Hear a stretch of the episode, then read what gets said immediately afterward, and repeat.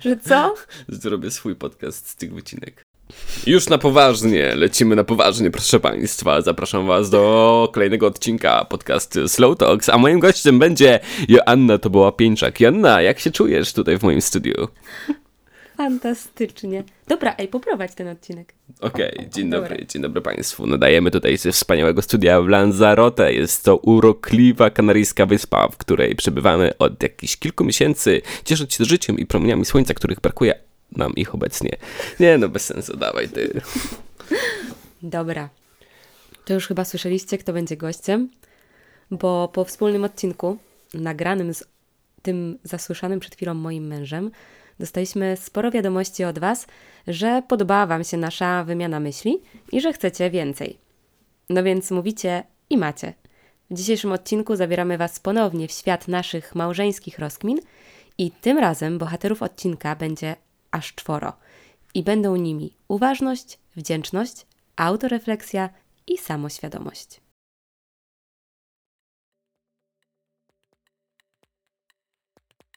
W naszym życiu świadomie kierujemy się tym, aby były w nim obecne wcześniej wymienione uważność, wdzięczność i autorefleksja oraz inwestujemy sporo energii w budowanie samoświadomości. Przez lata zauważyliśmy, że przeznaczanie codziennie choć 10 minut na pracę nad jednym z tych obszarów sprawia, że mamy ochotę to robić, bo po pierwsze nie trwa to zbyt długo.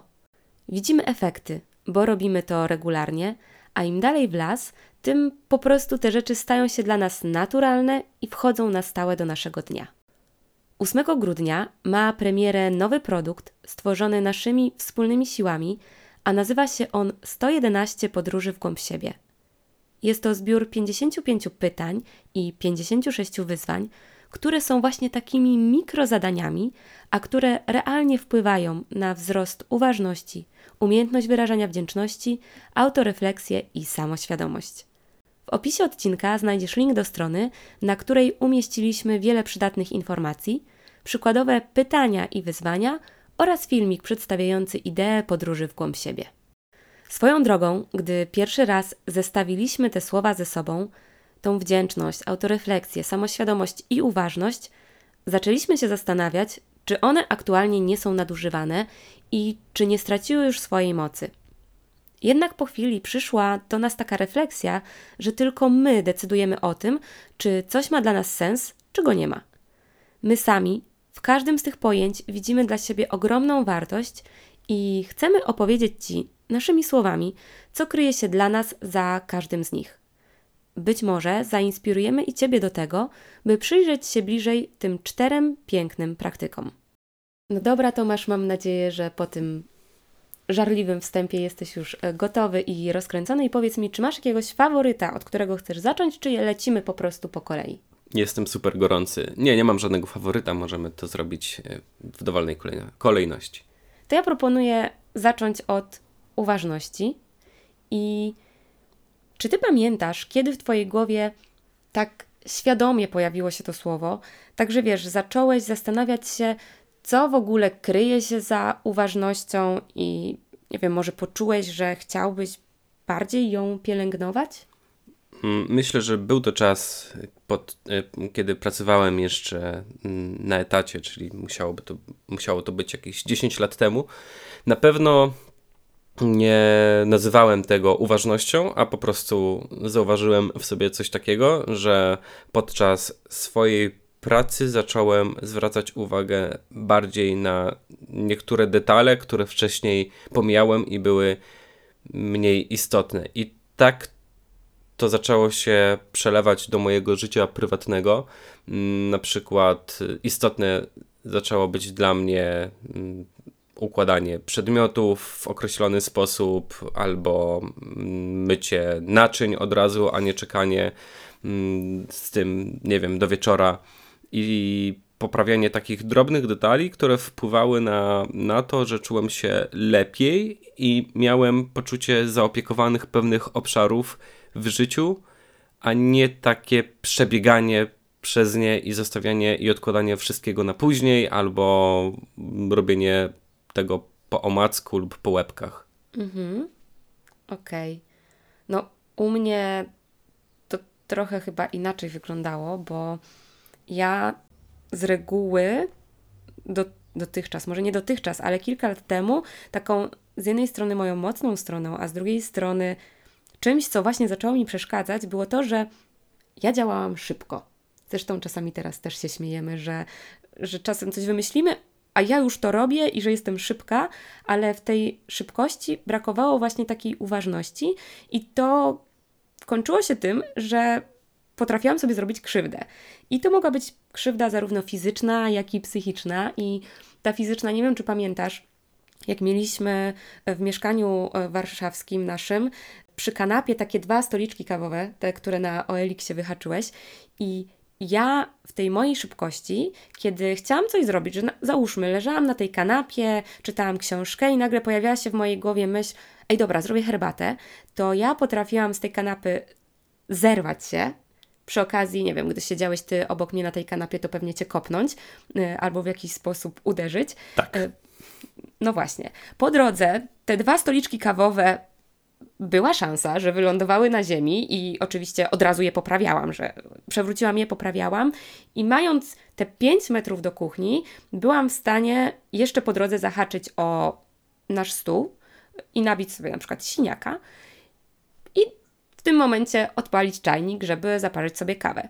I to nie były jednorazowe przypadki. Znaczy, ja to tak pamiętam, nie wiem, czy ty też tak to pamiętasz. Myślę, że było tego więcej i że działo się to regularnie. Jest, było to strasznie, nadal czasami jest strasznie zabawne, mnie śmieszy i też zarazem bardzo niepokojące. Tak, bo no, to jest akurat ten przykład tej y, krzywdy, którą sobie wy, wyrządzałam fizycznej i ja faktycznie potykałam się o wiele rzeczy, zahaczałam, uderzałam i w pewnym momencie, ja pamiętam, że tak mniej więcej to był właśnie 2017-2018 rok, kiedy zamieszkaliśmy w tym wspomnianym mieszkaniu, i ja poczułam, że mi to zaczyna przeszkadzać. I że ta moja szybkość w działaniu, która, no nie da się ukryć, często przynosiła jakieś y, korzyści, ale zarazem właśnie stała się czymś takim, co co zaczęło mi przeszkadzać. Więc ja też pamiętam, że to był początek nowego roku, więc takie wiecie, postanowienie noworoczne. Wymyśliłam sobie, że że wezmę to słowo uważność, wtedy jeszcze do końca nie wiedząc, co to jest, a w ogóle nie zahaczając z nim o mindfulness, ale wezmę sobie to słowo i zacznę być bardziej uważna w tym, co robię. I autentycznie, kiedy wchodziłam w ten tryb, kiedy to kontroluję i kiedy chcę tą uważność zaprosić do mojego życia, to wstawanie, żeby zaparzyć herbatę, wyglądało już zupełnie inaczej. Pojawiała się u mnie myśl, ok, herbata, ej, Asia, pamiętaj, żeby być uważna, więc spokojnie się dałam na kanapie, wręcz teatralnie, tak żeby Ciebie nie dotknąć i jeszcze Ci zaznaczyć, zobacz jaka jestem uważna, tym razem Ciebie nie kopnęłam. Siadałam na tej kanapie, brałam oddech, delikatnie wstawałam i naprawdę powolnymi krokami, serio, takimi teatralnymi, szłam do tego czajnika powoli, wytwarzając sobie taką ochronę dookoła siebie, żeby właśnie uważać na wszystkie przedmioty dookoła i ze spokojem, bez żadnych ofiar, byłam w stanie włączyć sobie tą herbatę i taką uważność zaczęłam implementować do wielu innych rzeczy. Nawet, nie wiem, do wchodzenia do tramwaju bardziej uważnie, do pokonywania drogi do pracy, nie robiąc kilka rzeczy naraz, tylko właśnie skupiając się na tej drodze. I jak tak sama siebie zwolniłam, zauważyłam, że właśnie dzieje się we mnie o wiele więcej fajnych rzeczy, bo mam więcej spokoju, nie ma tych przypadkowych zderzeń z otaczającym światem. A z drugiej strony, ja wspomniałam też o tej krzywdzie psychicznej, i tą krzywdę psychiczną, no to wyrządzałam sobie w taki sposób, właśnie nie będąc świadoma, jak ważna może być dla mnie ta uważność, nie skupiając się na tym, żeby być w tej chwili, która właśnie jest, tylko wybiegając wciąż i wciąż myślami do przodu. No bo nie da się ukryć, że planowanie jest moją mocną stroną i lubię planować. Teraz robię to zupełnie w inny sposób, ale kiedyś ta mocna strona ponownie przeradzała się w jakiś cień, bo pamiętam w Azji, kiedy ty właśnie tak przysłowiowo z patelni zdzieliłeś mi w głowę podczas takiego momentu, że byliśmy w połowie naszego y, tripa miesięcznego po Azji Południowo-Wschodniej i zamiast cieszyć się tym, że tam jesteśmy i zamiast wyjść na miasto i podziwiać to, co jest dookoła, chyba byliśmy wtedy w Wietnamie, z tego co pamiętam, to ja po prostu siedziałam z komputerem na kolanach i przyglądałam loty na kolejne miesiące i byłam wręcz zmartwiona, że o rany, my nie mamy y, jeszcze, nie wiemy gdzie polecimy za miesiąc, za dwa i za trzy. Wtedy przy okazji chyba był jakiś Black Friday, więc oczywiście miałam w głowie, że nie, to są promocje, ja muszę siedzieć i tego szukać. I, i pamiętam, że ty mi powiedziałeś, Joanna, ogarnij się, jesteśmy teraz w Wietnamie, więc może warto być myślami w Wietnamie, a nie wybiegać w przyszłość. Na pewno coś ogarniemy. I w ogóle szkoda teraz tego czasu, który tutaj jesteśmy, który jest ograniczony, na to, żeby wybiegać do przodu. I, i to też było dla mnie takie przebudzenie, i od tego czasu y, podjęłam decyzję, że nie chcę martwić się tym, co będzie w przyszłości, jeżeli to nie jest tak bardzo istotne i wolę skupić się na tym, żeby się cieszyć, że jesteśmy teraz w jakimś miejscu, niż zastanawiać się, czy aby na pewno za trzy dni zdążymy na jakąś przesiadkę. No, zdążymy, to zdążymy, nie zdążymy, to coś wymyślimy i nie ma co tego robić na zapas. Myślę, że Podobne zachowania zauważam też podczas przeżywania, braku przeżywania chwil, a, a na przykład podążania za atrakcjami turystycznymi tylko po to, żeby sobie zrobić z tym zdjęcie, bez złapania takiego wewnętrznego połączenia z danym miejscem, no bo jednak możemy zrobić masę zdjęć, ale te wspomnienia, które są w nas takie najmocniejsze, wzmacniają się wtedy, kiedy jesteśmy rzeczywiście tu i teraz i jesteśmy, mm, przeżywamy coś wspaniałego w danym momencie. I a propos Twojego planowania wyjazdów y, i tego, co się będzie działo w przyszłości. Mm, zauważam tutaj podobne połączenie. I jeszcze chciałem tylko nawiązać do, do tej szybkości. Ja uważam, że szybkość i uważność mogą iść ze sobą w parze. Mhm. Kiedyś pracowałem po maturach w takim barze nadmorskim, gdzie trzeba było robić kilka czynności naraz, bo po prostu była ogromna presja czasu i duża ilość rzeczy do wykonania naraz. I udawało się to rzeczywiście, mm, żeby biegać do drugiego pomieszczenia, przynosić kilka rzeczy, a jednocześnie za załatwiać jakieś kolejne drobne sprawy. I uważam, że w takim normalnym życiu regularnym można połączyć ze sobą szybkość i uważność, jednak jest to jakiś kolejny poziom doświadczenia lub kolejny poziom umiejętności do wypracowania, mm, aby nie tracić czegoś i aby też nie narażać się na jakieś niebezpieczeństwa z, ze strony przedmiotów, które są dookoła. Tak, zdecydowanie myślę, że tą uważność można łączyć tą szybkością, tylko myślę, że ważne, żeby nie robić naraz kilkunastu rzeczy, tylko się skupić na tej jednej dołączyć do niej szybkość, jak my to nazywamy, ale poświęcić temu, co robimy, swoją uwagę. Bez rozdrabniania jej na mnóstwo innych rzeczy dookoła i mnóstwo innych rozpraszaczy. Myślę, że to łączy się też z takim przeświadczeniem o tak zwanym multitaskingu, czyli robieniem kilku rzeczy naraz po to, żeby popchnąć dalej i szybciej ten wielki projekt, nad którym pracujemy, bez względu na to, czy to jest projekt w pracy, czy gotowanie zupy w domu. Kiedyś robiłaś takie ćwiczenie, które y, uwypuklało właśnie wady takiego podejścia, które pokazywało to, że robiąc kilka rzeczy naraz, wcale nie robimy tego lepiej i przez to nie robimy tego szybciej. I właśnie bardziej korzystne jest skupienie się na odhaczaniu punkt po punkcie ze skupieniem, z uważnością rzeczy, które, nad którymi pracujemy. I myślę, że ten temat uważności jest jak wiele wątków bardzo indywidualną kwestią i fajnie, jeżeli co jakiś czas przysiadamy do niego i obserwujemy, jak to wygląda w naszym życiu, jak się cieszymy danymi momentami w życiu, jak jesteśmy w stanie zadbać o nasze otoczenie, czy to, czy miejsce, w którym przebywamy, czy miejsce, w którym żyjemy, wygląda ok, czy służy nam, czy mamy poskładane rzeczy w szafie, czy codziennie musimy szukać koszulki i tracimy na to czas i nerwy, jak to wygląda, czyli poddać ten temat uważności autorefleksji, o której zaraz będziemy rozmawiać. Ale piękne nawiązanie zrobiłeś, tak, dokładnie. Właśnie zaraz przejdziemy do autorefleksji, ale ja jeszcze się muszę przy tej uważności zatrzymać, bo przyszła mi taka myśl do głowy, że czasami to stwierdzenie bycie tu i teraz jest mylnie interpretowane jako zaprzestanie totalnego myślenia o tym, co było i o tym, co będzie, jako takie poddanie się chwili, ale takie właśnie bezrefleksyjne poddanie się chwili, jakby za chwilę świat miał się skończyć i wszystko inne było bez znaczenia. A to właśnie nie o to chodzi. Chcesz coś powiedzieć? Tak, to, że to chciałem powiedzieć, że ja inaczej to odczytuję. No właśnie, to powiedz, jak ty odczytujesz.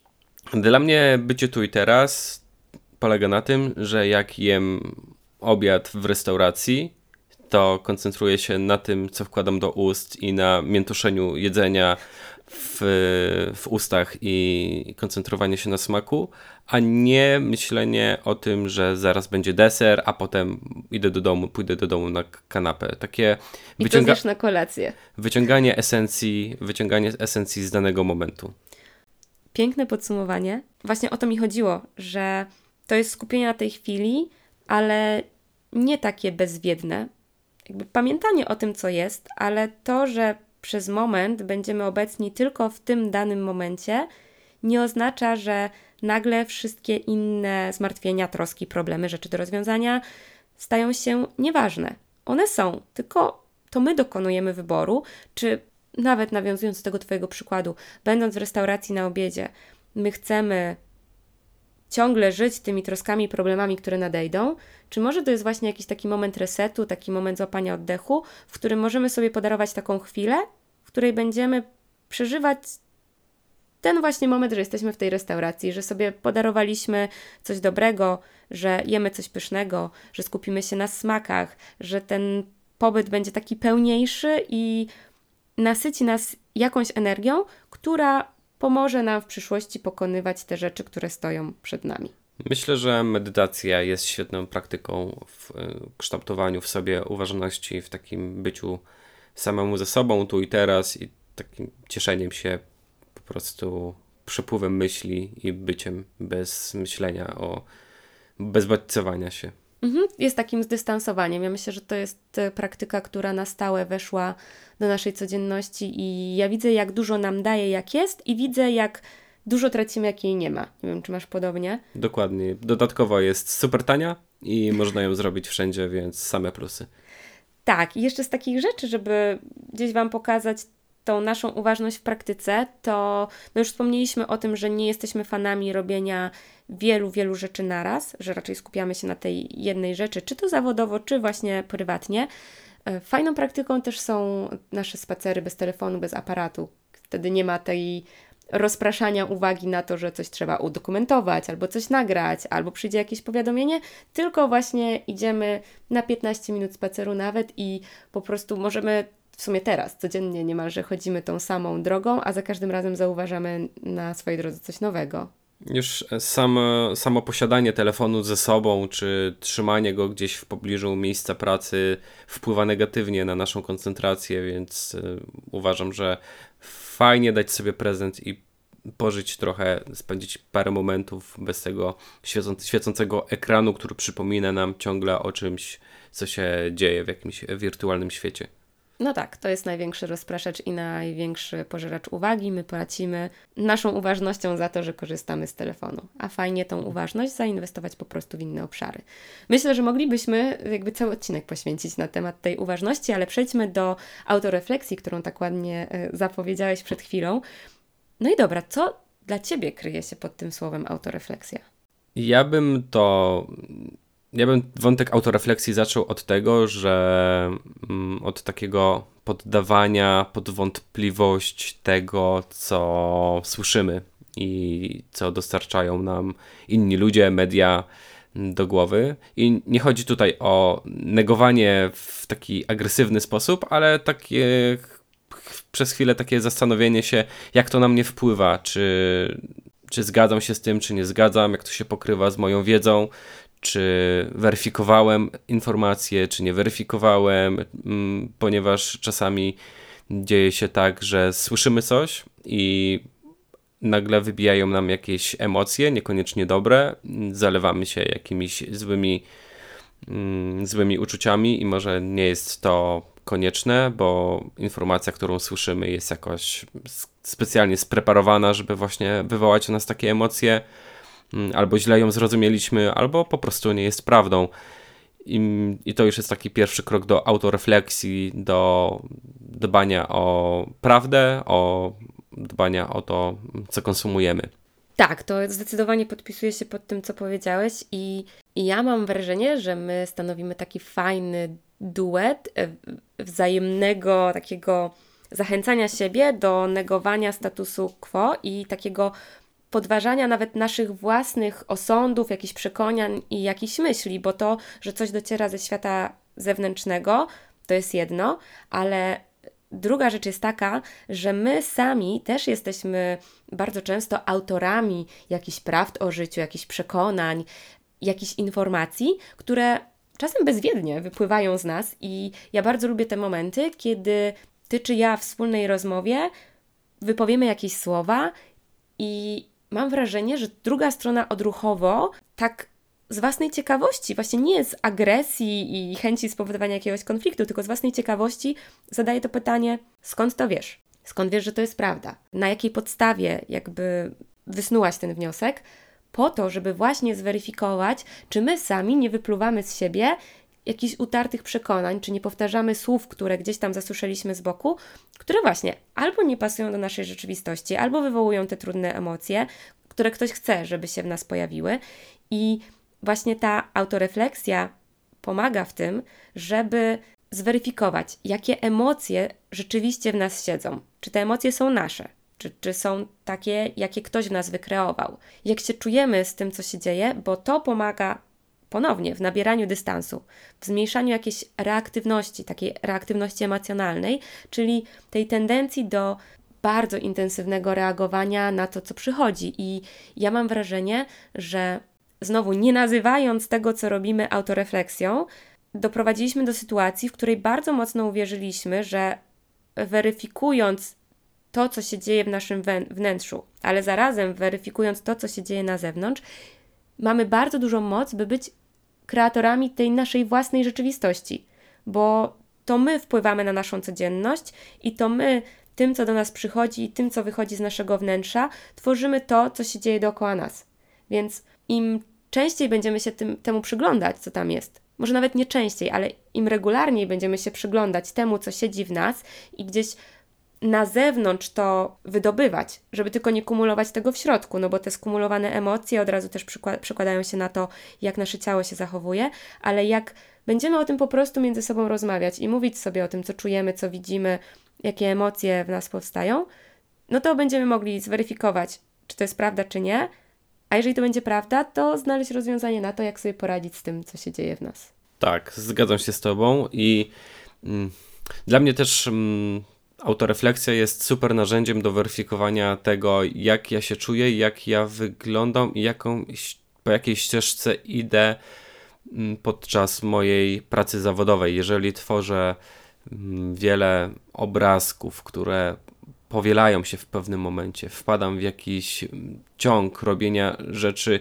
innych, ale podobnych, często próbowałem i nadal próbuję podważać to, czy ta droga jest ok i czy ta droga jest dalej dla mnie, i bardzo często wychodzą z tego nieoczywiste odpowiedzi, które pokazują mi, że powinienem coś zmienić dla, korzyść, z korzyścią dla procesu, z korzyścią dla mnie, dla przyjemności tworzenia i takie podważanie tego, zastanawianie się nad tym, czy to jest ok, czy to jest fajne i czy to sprawia mi przyjemność, pozwala mi usprawniać się i milej spędzać czas. I czasami pieką mnie uszy, kiedy słyszę, że ktoś, może to się też wiąże z takim brakiem pokory, ale mm, wychodzi z założenia, że jest super zajebisty.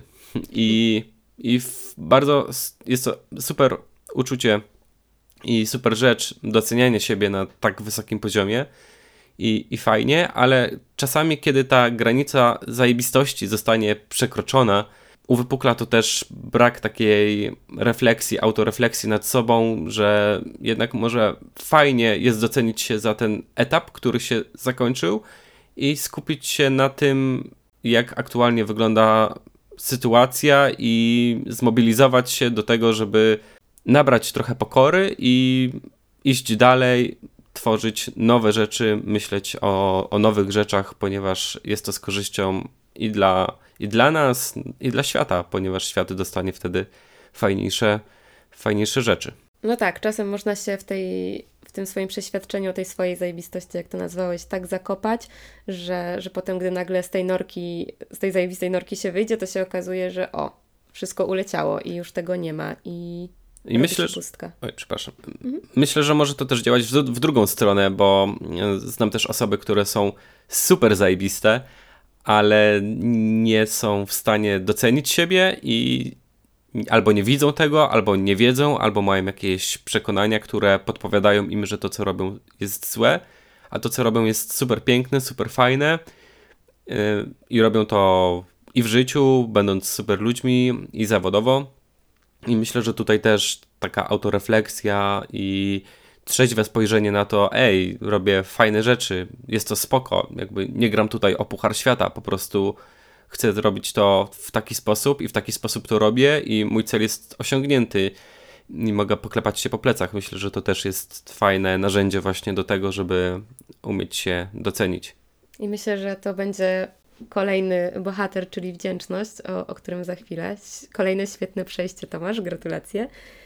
Chciałam jeszcze tylko dodać w kontekście tej autorefleksji, bo tak mi przyszło do głowy, że my mamy, my, ty, czy ty i ja, mamy w sobie trochę takiego buntu, który nieraz nam pokazał, żeby podważać to, co przychodzi i, i podważać też to, co my, co my myślimy. I taki przykład, kiedy kilkanaście razy w naszym życiu, kiedy podejmowaliśmy jakieś decyzje, które mm, nie były czymś takim, patrząc z zewnątrz, oczywistym, prostym, no teraz z perspektywy czasu inaczej na to patrzę, ale wiem, że kosztowały nas e, kupę energii, jak na przykład e, wyprowadzka na Zanzibar e, we wrześniu 2020, kiedy no, świat wyglądał jak wyglądał. I zazwyczaj właśnie z takimi decyzjami z zewnętrznego świata przychodziły do nas pytania: Ojej, a czy się nie boicie? I, I to pytanie, czy się nie boicie, pojawiało się bardzo często, i myślę, że za sprawą tego buntu i za sprawą właśnie takiego przekonania o tym, że to, co robimy, jest dobre dla nas i, i że wychodzi prosto z serca, a zarazem, że nic nie jest na stałe, więc zawsze będziemy mogli się z tego wycofać.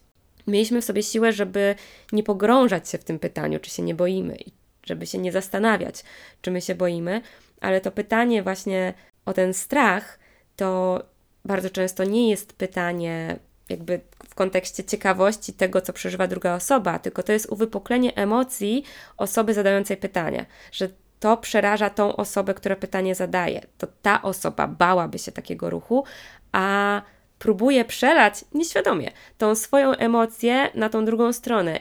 I to jest właśnie ważne, chociażby na przykładzie tego pytania, żeby budować w sobie tą skłonność i tą chęć do autorefleksji, żeby po pierwsze umieć zauważyć, czy ten strach to jest faktycznie coś mojego, czy właśnie ktoś robi projekcję i próbuje nieświadomie przelać na mnie jakieś uczucia. I nawet zadać sobie takie to pytanie: OK, czy ja się boję? Nie, nie boję się. Dobra, wszystko jest w, początku, w porządku, idę dalej. Żeby właśnie wytworzyć sobie taką chęć do tego, żeby zastanawiać się, co się w nas dzieje, jakie emocje nam towarzyszą, jak się z tym czujemy i co chcemy zapraszać do swojego życia, a czego nie chcemy zapraszać. I teraz a propos tego zapraszania już przechodzę do wdzięczności, do wdzięcznej wdzięczności, bo myślę, że my na własnej skórze nieraz się przekonaliśmy, że im częściej tą wdzięczność wyrażamy, tym po prostu nagle ona się rozmnaża i mamy coraz więcej powodów do tego, żeby się cieszyć, żeby się radować i że to są właśnie te mikrochwile, te mikro rzeczy, że to nie muszą być nie wiadomo jakie sprawy. I ja pamiętam, że my zaczęliśmy, znowu nie nazywając tego wdzięcznością, ale robić coś takiego bardziej świadomie, jakoś już na początku naszego związku, około 8 lat temu, e, kiedy na przykład kończył się weekend, kładliśmy się w łóżku i tak ode mnie spontanicznie wychodziło do ciebie pytanie: Dobra, to powiedz, co ci się najbardziej podobało w ten weekend. I pamiętasz, jak to robiliśmy? Tak, to było, to było dla mnie, było to dla mnie czymś nowym, ale też super przyjemnym i wzmacniało takie poczucie, że spędziliśmy super czas. Polegało to na tym, że wymienialiśmy pięć rzeczy, które nam się najbardziej podobały, 10, 15 i to też było super początkiem rozmów na, na temat tego, jak się czuliśmy podczas na przykład weekendu, Tak, to była super nowa rzecz, która była takim promyczkiem, która dawała taki, takie... Z reguły koniec weekendu kojarzył się tak, ojej, kończy się weekend, wszystko co było takie wspaniałe już się skończyło, już jest koniec i nastanie teraz mrok, trzeba iść do pracy, a przez takie podsumowania, robienie takich podsumowań właśnie w niedzielę wieczorem, zostawało coś na kolejny tydzień, taki właśnie promyk nadziei, promyk ciepła i miłych wspomnień nagle tę chwilę można było przeżyć jeszcze raz. Ja to tak, tak wspominam. No i w sumie Teraz to ja mam wrażenie, że automatycznie, nie kontrolując tego w żaden sposób, to nawet kilka razy dziennie gdzieś tam raz, że weryfikujemy to, jak się czujemy, a dwa, po prostu, nie wiem, siedzimy przed komputerami, jest jakiś trudniejszy moment i nagle ktoś z nas wystrzeliwuje z pytaniem: Ej, dobra, a co dzisiaj się Tobie podoba? I, i to nawet e, czy lista pięciu czy dziesięciu rzeczy. Ja pamiętam, że początkowo to było takie, hmm, pięć rzeczy, dobra, a, a potem przeszło to do takiego trybu, dobra, a mogę jeszcze jedną? Ej, a mam jeszcze jedną, mam jeszcze jedną i że trzeba było tą machinę zatrzymywać, bo właśnie gdy zaczęliśmy się przeglądać temu, co doświadczamy, zaczęliśmy zauważać więcej szczególnie tych drobnych mikrodoświadczeń, jak e, to, że o, super weekend było to, że zrobiłeś dla mnie kawę. I mnie to nasyca energią do dalszego działania i mi to daje dużo radości, dużo dobrego samopoczucia. Pomaga w tym, żeby właśnie w tych trudniejszych momentach, w takich momentach niepewności, wrócić do tego i przypomnieć sobie, mm, co, co takiego mamy i jak dużo rzeczy się dzieje dookoła, no i że te trudności problemy, one będą, ale znowu to my nadajemy im rangę ważności i jeżeli naszą uwagę będziemy przeznaczać na to, żeby skupiać się na problemach, to tych problemów będziemy widzieć więcej. Jeżeli natomiast będziemy skupiać tą uwagę na tym, co dobrego już jest w naszym życiu, to tego dobra będzie się pojawiać więcej w taki sposób, że my świadomie będziemy je dostrzegać. I tu z jednej strony jest ta wdzięczność za to, co przychodzi, za to, co nas spotyka, za to, co się dzieje dookoła nas, no a z drugiej strony ta wdzięczność, o której już wspominałeś, czyli to samo docenienie się. Z praktyką wdzięczności miałem na więcej problemów, ponieważ po jakiejś głębszej refleksji oczywiście byłem super, super wdzięczny za wszystko, co mam, za to, że jestem, za to, że mogę sobie chodzić po ulicy, jeździć na wakacje, za to, że mam pracę i tak dalej, ale podczas takiego szybkiego życia mm, gdzieś zatracało się to, czyli chcę kupić sobie buty, fajnie, kupuję sobie buty, są fajne, pochodzę w nich chwilę, chciałbym kolejne buty, bo te, które kupiłem są fajne, ale upatrzyłem sobie nowe, które są fajniejsze albo są na deszcz, a tamte nie są na deszcz. I tak za każdym razem ten królik gdzieś uciekał i za każdym razem było coś fajniejszego do zdobycia. I też brakowało mi czasami momentów takiego takiej weryfikacji, nie wiem, zrobienia takiej listy, że słuchaj, masz to, to i to, o tych rzeczach marzyłeś, one się wypełniły, że gdzieś tam z tyłu głowy wiem, że to jest fajne i że to, że, że to są super rzeczy, że jestem super wdzięczny, ale gdzieś w takim codziennym trybie tego poczucia wdzięczności, nie było. I to samo tyczyło się rzeczach, w rzeczach zawodowych. Byłem święcie przekonany, że to, co ja robię, to jest w stanie zrobić każdy na świecie i na pewno większość osób zrobiła to i nawet lepiej, więc to, co ja robię, nie ma wartości, bo, bo jest to za łatwe, przyszło, przysz, przyszło mi to zbyt szybko, albo, albo z jakiegokolwiek innego wymyślonego powodu, a później okazało się, że te rzeczy, które ja sobie robię, są po prostu moje, przychodzą mi łatwo, bo są moje, bo są, wypływają gdzieś ze mnie i inni ludzie tego nie robią, bo mają inne rzeczy w środku. I takie porównywanie swoich osiągnięć na początku do, do całego świata i za, zakładanie, że cały świat potrafi też tak zrobić, było super, super niebezpieczne, a czasami też niepotrzebne, bo czasami, jeżeli nauczymy się umiejętności, która,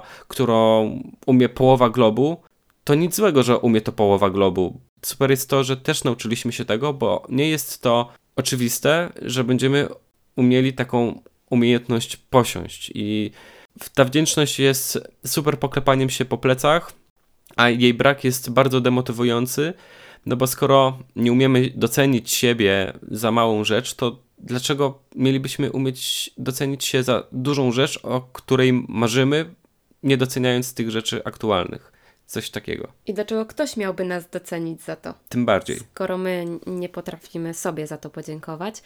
Ci czterej bohaterowie, o których Wam dzisiaj mówimy, oni tak de facto współpracują ze sobą, bo o tym, co powiedziałeś, że my jesteśmy jacyś w danym momencie życia. I jasne, możemy być lepsi i prawdopodobnie w przyszłości, jeżeli nad czymś będziemy pracować, będziemy lepsi. Tylko czy warto skupiać się na tym, że teraz mi brakuje i tak pastwić się nad sobą, nie doceniać siebie za to, się, za to, co się ma? Czy może warto skorzystać z tej uważności, żeby zatrzymać się w tym momencie życia, w którym jesteśmy, poddać to, co się dzieje, autorefleksji, czyli zobaczyć, co mamy, czego nie mamy, gdzie chcemy dążyć, a następnie docenić siebie za ten moment tu i teraz, w którym jesteś.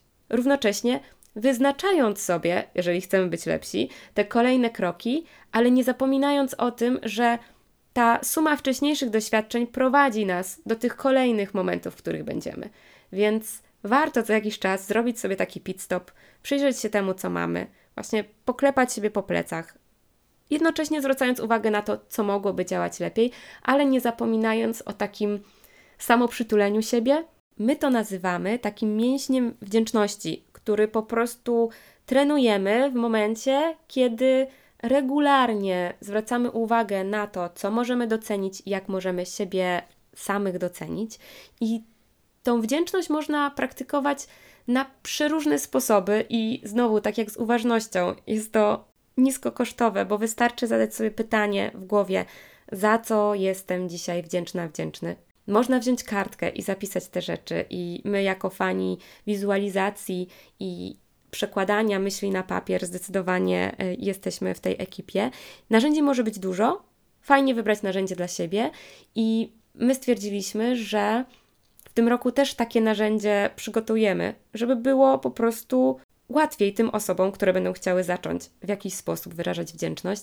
I ty zaprojektowałeś taki kalendarz, nazwaliśmy go Rokiem Wdzięczności, i w tym kalendarzu, który można sobie powiesić na ścianie, jest 365 pól, i zachęcamy do tego, żeby każdego dnia wpisać chociaż jedną rzecz, za którą jest się wdzięcznym, i przyglądać się temu, jak ta wdzięczność się właśnie pomnaża, jak to, co mamy w życiu, mm, zwiększa się z każdym dniem, żeby właśnie w tych trudnych chwilach, w tych chwilach zawahania, móc spojrzeć na ten kalendarz i zobaczyć, ile już dobrego się wydarzyło.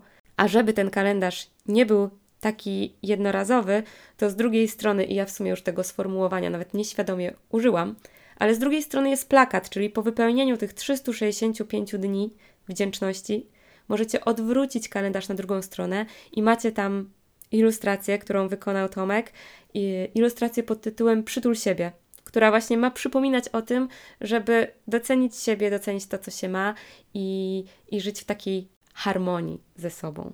Ten, ten kalendarz jest takim szablonem do zrobienia laurki dla samego siebie. Od kiedy zacząłem wypisywać kilka rzeczy, za które, za które jestem wdzięczny każdego dnia.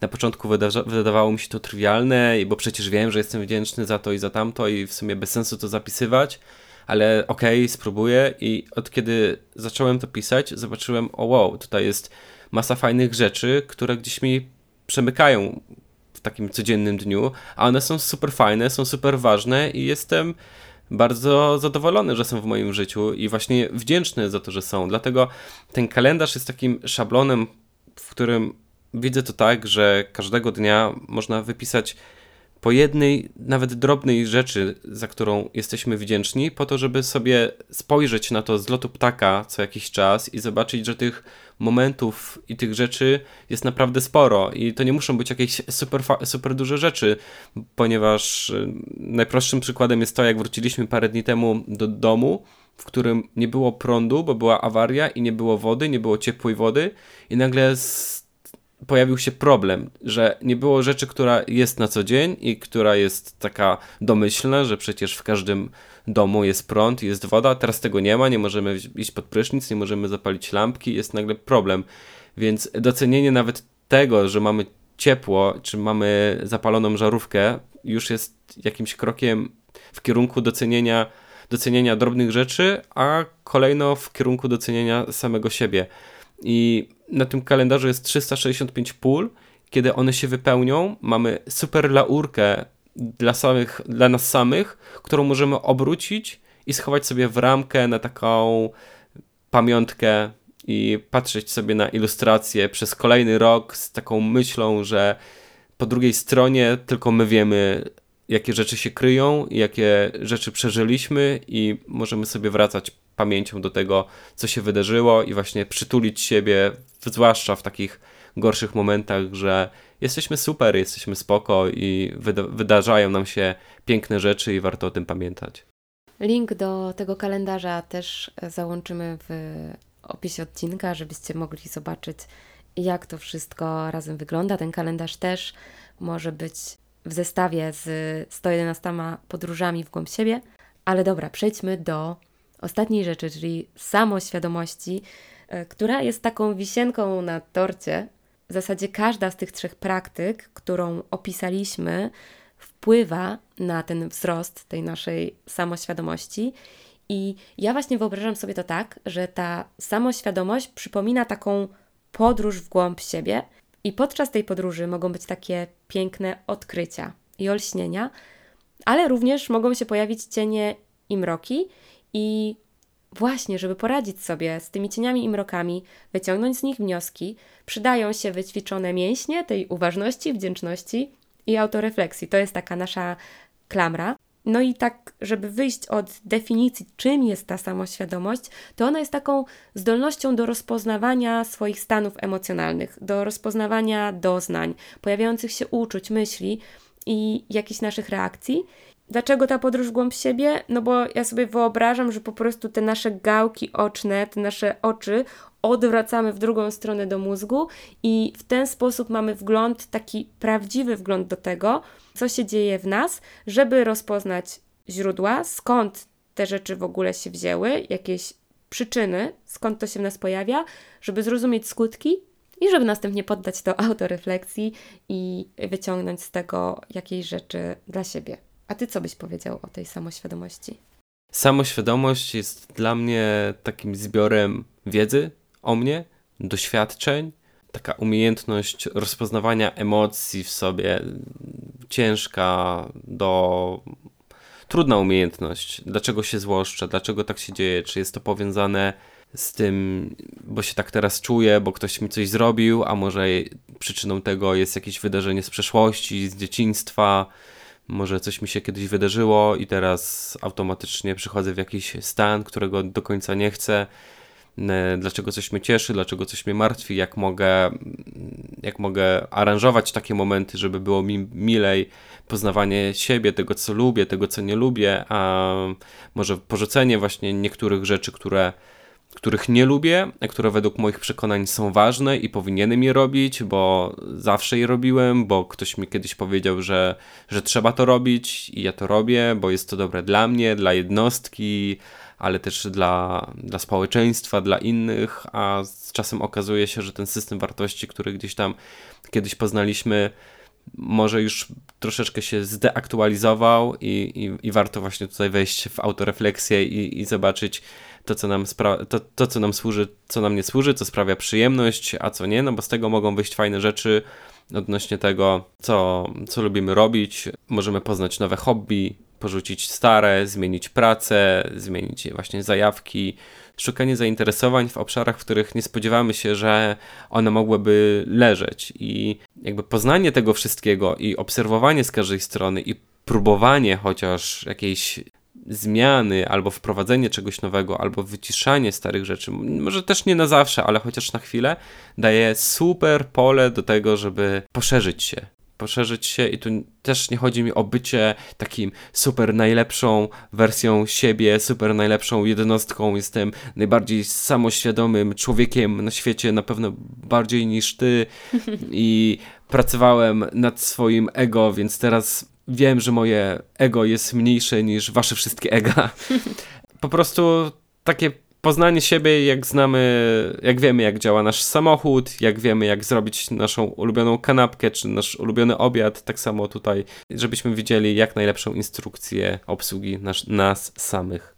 chyba tą instrukcję obsługi to ci przesłałam myślami, bo pomyślałam, że powiem o instrukcji obsługi i ty w tym momencie użyłeś e, tego słowa, ale mnie już takie rzeczy zupełnie nie dziwią w naszej relacji.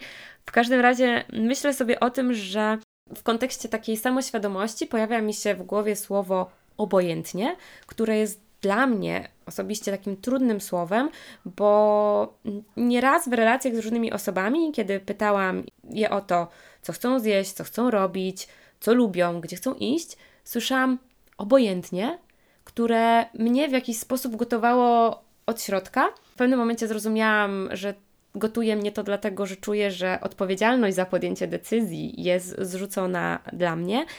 A jak to zrozumiałam, to też zaczęłam, mm, zaczęłam drążyć i pytać, ok, ale co znaczy obojętnie, że w tym momencie nie masz na nic smaku i chciałabyś, żebym ja wybrała, czy być może jest tak, że nie wiesz, co lubisz? I właśnie czasami okazywało się, że ktoś nie wie, co lubi. Takie proste rzeczy, że nie do końca wie, co lubi zjeść, albo nie do końca wie, y, co służy jego organizmowi, że po prostu zdaje się na to, co przyjdzie ze świata zewnętrznego, zdaje się na podjęcie decyzji przez inne osoby, przez co może dochodzić do sytuacji, że podejmuje decyzję, nawet nie podejmuje decyzję, tylko robi rzeczy wbrew sobie.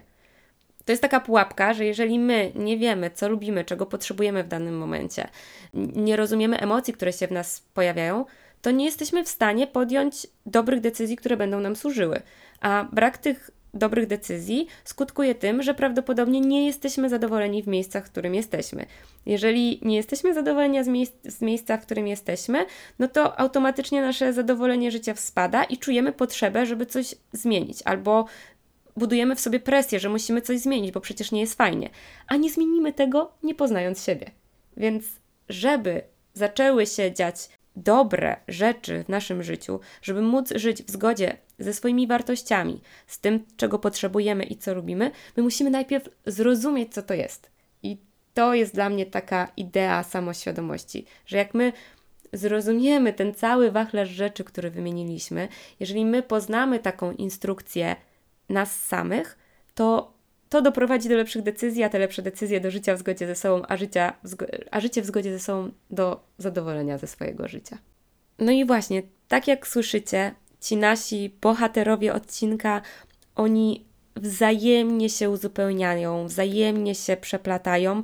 Dla nas to są takie cztery bardzo ważne filary, które sobie nazwaliśmy, bo nazywanie rzeczy upraszcza postrzeganie rzeczywistości, więc my je nazwaliśmy.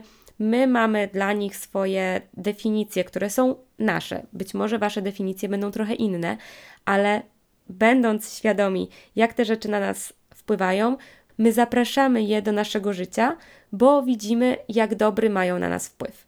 I po prostu w tym momencie chcemy korzystać z uważności, wdzięczności, autorefleksji i samoświadomości Warto im się przyjrzeć, warto zacząć z nimi pracować, żeby pojawiły się regularnie, być może i w Waszym życiu.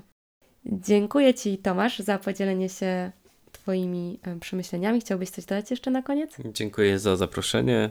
Mocno trzymam kciuki za wszystkich. Ja też trzymam kciuki już z góry za wszystkich, którzy będą chcieli się pochylić nad tematem i wszystkie przydatne informacje Zostawiam jak zwykle w opisie odcinka. Zapraszam na slowtalks.pl, bo tam dużo teraz mówimy o tych 111 podróżach w głąb siebie. Tam też możecie zobaczyć wizualizację kalendarza e, do roku wdzięczności. No i co? I mamy nadzieję, że zechcecie wyruszyć z nami w te piękne podróże w głąb siebie, żeby właśnie rozwijać uważność, wdzięczność, autorefleksję i samoświadomość. Do usłyszenia w kolejnym odcinku.